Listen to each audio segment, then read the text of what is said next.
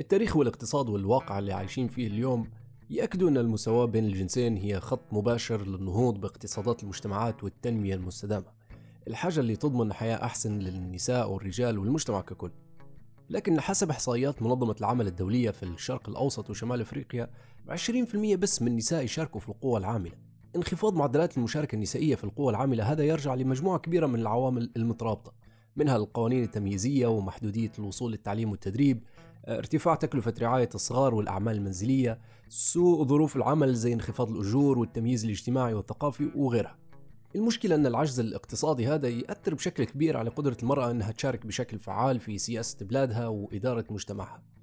حل المشاكل هي يبدأ بمصطلح التمكين اللي جيت تحكي لنا عليه اليوم الأستاذة خديجة البعيشي الأكاديمية والخبيرة في المساواة الجندرية والحقوقية. في الحلقة هذه من اللي بيبيك. اللي بيبيك. أستاذة خديجة شو معناها تمكين المرأة؟ تمكين هو أن المرأة تكون عندها قدرة على أنها تسيطر على حياتها عندها قدرة أنها تتخذ قرار قرارات في مختلف المجالات دون أن يكون في إكراه عليها أو تدخل أو حتى أن شخص يعبر عن رأيها نيابة عنها بدون موافقتها لما نقول أنها تكون مسيطرة على حياتها إذا بإمكانها أنها تشارك بحرية في مختلف المجالات اللي منها اللي أشرت عليها اقتصاديا. هذا يبي حديث عليه شنو اللي خليها مش قادرة تدير هذا الشيء مش قادرة إنها تشارك بفاعلية مش قادرة إنها تسيطر على قرارها. لو جينا تكلمنا على جزء المشاركة الاقتصادية للمرأة دائما مثلا عالميا في الحديث على الفجوة في الأجور ما بين النساء والرجال خاصة في القطاع الخاص اللي عادة يكون الرجال أجورهم أكثر من النساء لعدة أسباب. طبعا من ضمنها أن عادة الرجال يفاوضوا أكثر خلال مرحلة التعاقد في حين أن النساء ما عندهمش يعني ما يتحصلوش على قدرة أنهم يفاوضوا على الأجور اللي تطرح عليهم في المرحلة الأولى. لأنهم معتقدين أن بعد العمل هم راح يتم الاعتراف بقدراتهم وبإمكانهم أنهم يطالبوا بتعديل وهذا ما يصيرش للأسف. فمن البداية يكون في فرق في الأجور. في ليبيا في نسبة كبيرة من النساء تشتغل في القطاع خاصة القطاع العام يعني تشوف نسب كبيرة. لكن الاختلاف هو تكدس التكدس النسائي في وظائف معينة. يعني ما تلقاش المرأة في مراكز صنع القرار ولكن تلقاها في الوظائف المساعدة اللي هي كإدارية أو آه، كمساعدة إدارية لصناع القرار. يعني في الوظائف الأدنى اللي هم عادة يكونوا تنفيذيين وما عندهمش قدرة على أنهم يضعوا السياسات العامة لهذه المؤسسات. فهذا يعني في دول كليبيا اليمن وغيرها ظهرت صورة أخرى للنساء أو مشاركة النساء اقتصاديا لضمان استقلالهم الاقتصادي عن طريق ريادة الأعمال المشاريع الصغرى وغيرها اللي أوجدت للنساء فرص عمل خاصة النساء المتضررات من الحروب والنزاعات وعدم الاستقرار الأمني والاقتصادي في الدول. فهذا دفع العديد من النساء أنهم يبدوا مشاريع صغيرة. لضمان دخل ليهم ولإعالة أسرهم إذا كانوا متضررين من النزاع وأيضا فقدوا المعيل. الإشكالية في هذه هذا النوع من الأعمال عادة لا يتم تسجيله ما يسجلوش فيه رسميا غير مشمول بالضمان أو الحماية الاجتماعية. ففي كورونا في بداية أزمة كورونا عالميا تضررت هذه المشاريع والعديد منها أغلق. لأن الإجراءات اللي حصلت التضييقية على التنقل وعلى الحركة أثرت على هذه المشاريع واضطرت النساء أنها تغلق أعمالها. ف... ولكن هذا التحدي هو مفتاح من المفاتيح اللي لازم نفكروا فيها. الاستقلال الاقتصادي للمرأة يترتب عليه إنها تدلل العديد من العقبات اللي تواجهها. يعني إن كانت المرأة اقتصاديا قادرة إنها تعول نفسها وتعيل أطفالها فهذا قد يجعلها قادرة على إنها ترفض العنف اللي يوجه ضدها. قادرة على إنها ترفض إنها تشتغل في أعمال يتم استغلالها فيها. فهو تحدي مشاركة المرأة اقتصاديا بحيث أن يعني حتى عالميا لازال الحديث على أن حتى مصادر التمويل للمشاريع ليست متكافئة ما بين النساء والرجال. يعني أن تتحصل على قروض مالية من المصارف لدعم مشروعك المازال كيف بادي عادة النساء يصبح لديهم صعوبة جدا أنهم يتحصلوا على هذه القروض لأن ما عندهمش علاقات مع صناع القرار من الرجال في هذه المصارف اللي عادة يستخدموا في الروابط الاجتماعية والمعرفية بالمستفيدين لتسهيل الإجراءات. أه، بنسألك لو لو في ظرف أو أكثر يجب إن هم يتوفروا باش تكون البيئة مناسبة لتمكين المرأة اقتصاديا في في ليبيا. يعني آه، خلينا نحكي على سبيل المثال. يعني ناخذ مثال. خريجة الجامعة أو الأم آه، المطلقة أو الأرملة شنو اللي يمنعها من إن هي تخش لسوق العمل؟ التمكين في شنو بالضبط؟ هل هي مسألة تدريب؟ هل هي مسألة تعليم؟ آه، هل في حاجة ممكن تندار توا مثلا؟ ولا هل هي حاجة تبدأ بالأجيال الصغيرة ولا كيف تندار بالضبط؟ هو أنا دائما نقول إن مشكلة المرأة هي ليست أحادية يعني ما نقدرش نقول هذا العنصر الوحيد. إذا أنا حليته المرأة حتنطلق ومش حتلقى عقبات. لأن عدم المساواة ما بين المرأة والرجل والنظرة الدونية للمرأة هي مرتبطة بعادات لها آلاف السنين وأعراف مجتمعية راسخة في في بعض العقول. اللي جعلت إنها لابد ان نشتغل على حلحلة كل عنصر على حدة لكي نضمن إن تصير متساوية ومشاركة بشكل كامل م. العنصر الاقتصادي أتفق معك كليا إنه هو عنصر هام جدا في قضية المرأة وتمكينها ومشاركتها الكاملة ولكن هناك عناصر أخرى لابد أن نفكر فيها حتى هي. في جانب سياساتي لأن نحتاج أن يتم تشجيع النساء مع صاحبات المشاريع الصغرى أنهم يسجلوا مشاريعهم رسميا.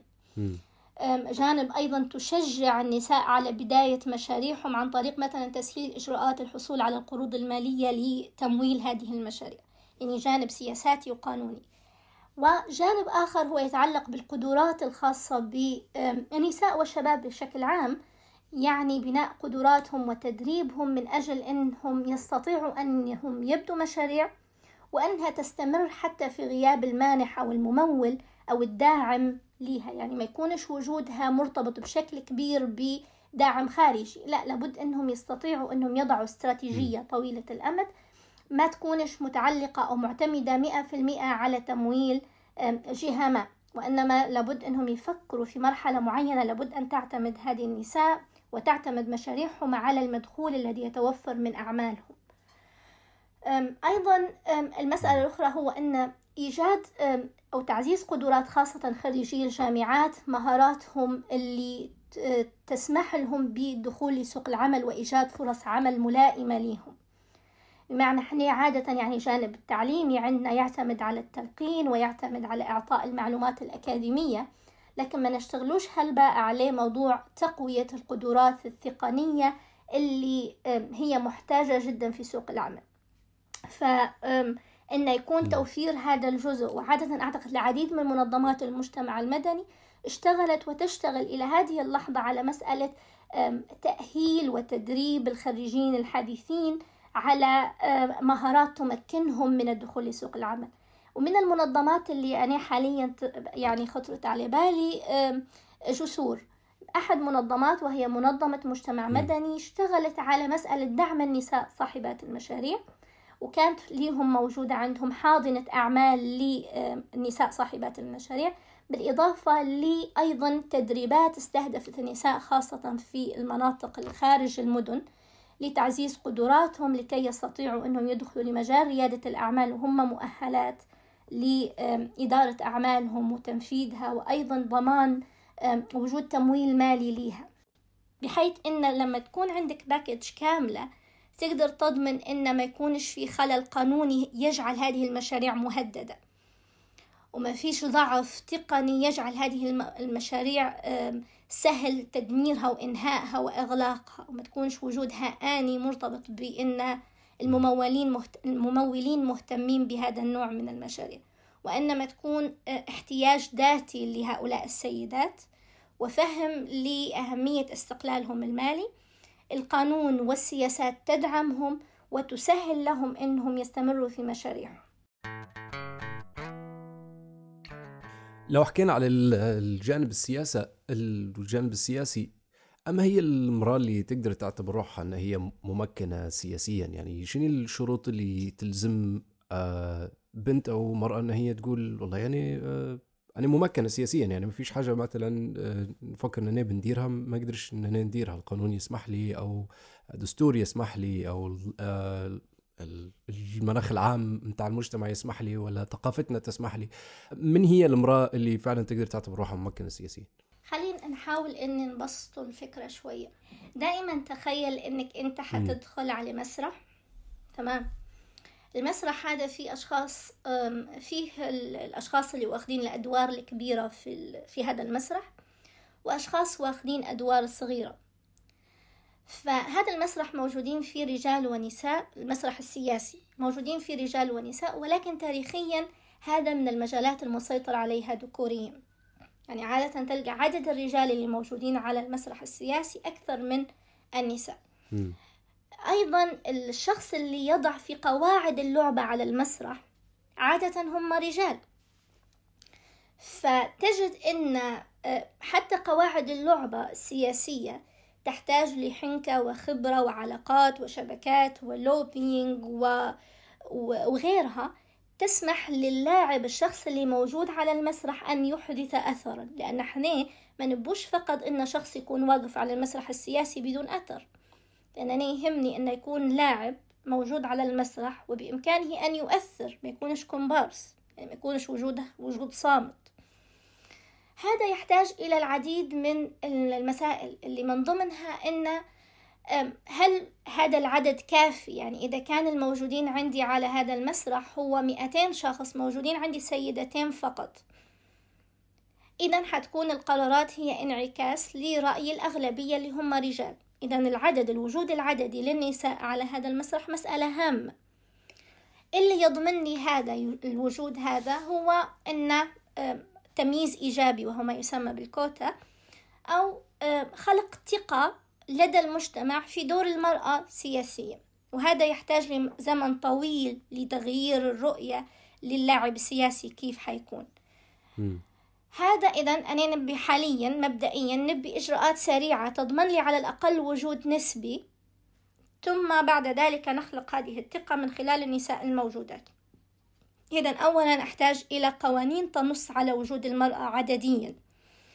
المسألة الثانية أريد أن تكون هؤلاء النسوة اللي وجدوا على هذا المسرح مدربات وقادرات على الخطاب مع البقية الأخرى من الرجال اللي موجودين على المسرح لكي تصدر عندي قوانين وسياسات مستجيبة لاحتياجات النساء وأيضا قضايا النساء مدمجة في كل قضايا القضايا أو السياسات اللي حتصدر عن هذا الكيان.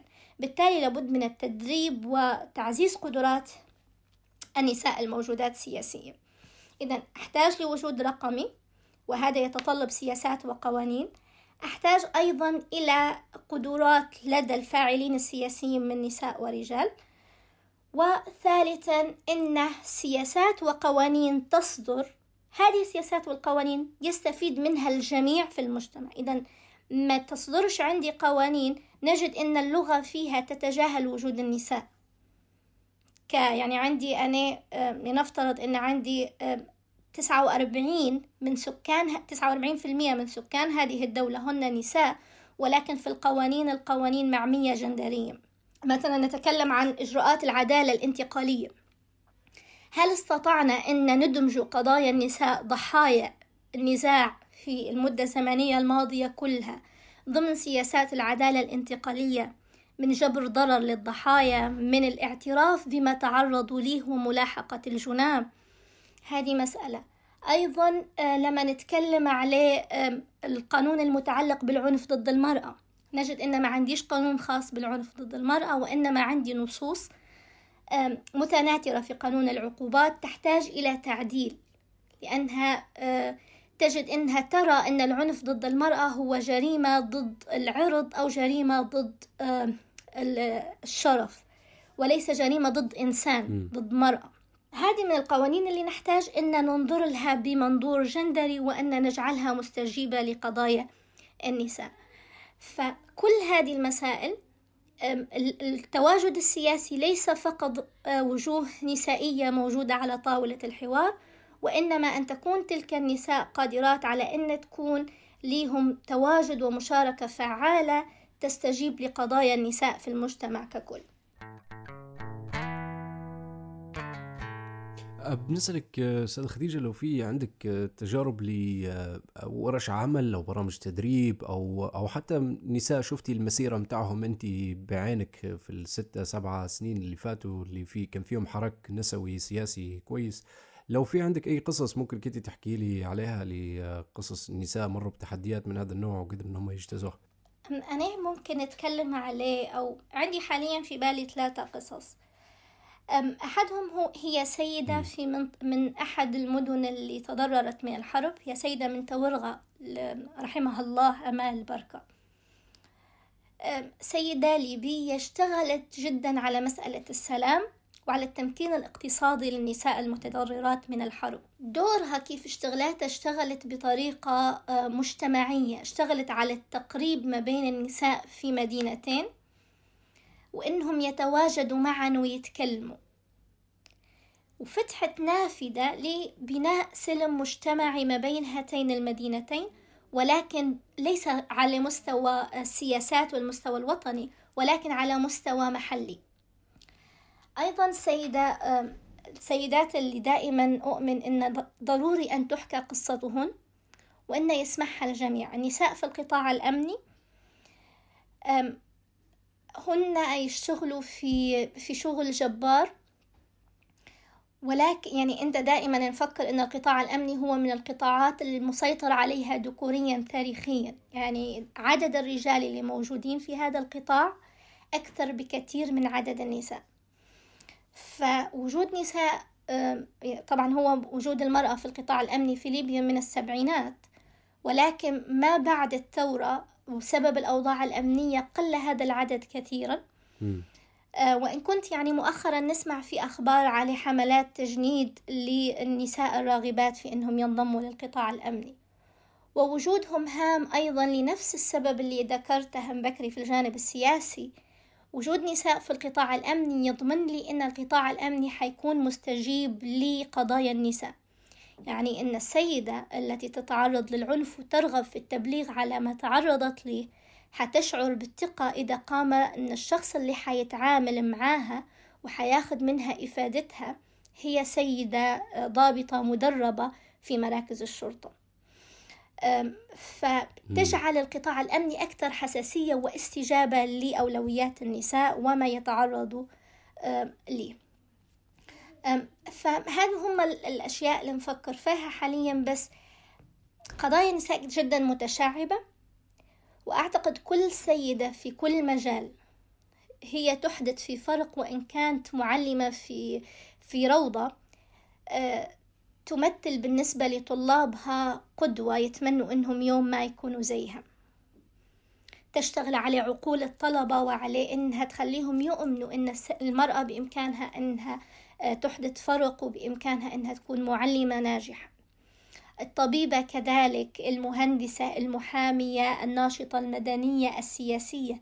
يعني تواجد النساء هذا بالرغم من كل الظروف اللي كانت لربما آه، تدفع بهم للوراء.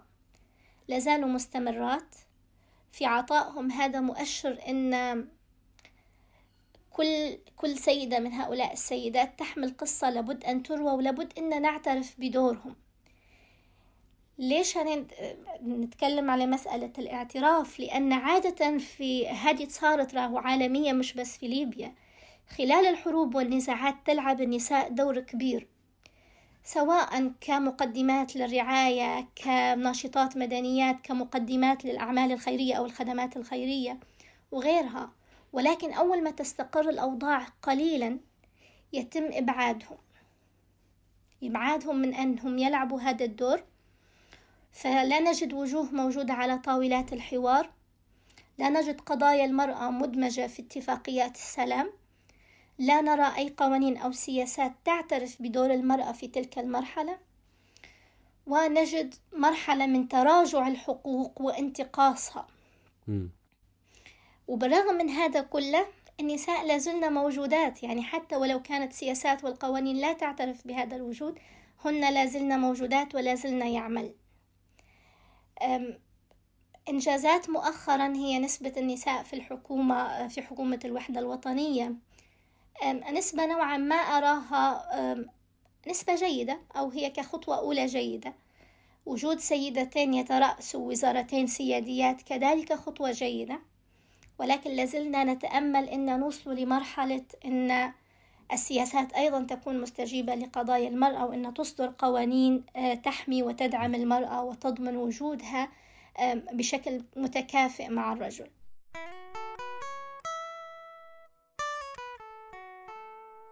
لو كان عندك قدرة توقفي قدام البرلمان وتقدمي لهم مقترح مشروع قضية تؤمني بها وممكن تتوقعي إنه بقانون واحد تقدر إنك انت تحلي مشاكل هالبنات شاكوا مشروع قانون شنو؟ هو أعتقد أن ممكن أن نقترح أكثر من مسألة خلينا نستغل الفرصة يعني أول حاجة هو مراجعة المناهج الدراسية مم. أن يتم مراجعة المناهج الدراسية بمنظور جندري لأن أعتقد أول خطوة في تغيير الثقافة العامة هي الطلبة اللي يقروا فيه في الابتدائي والإعدادي.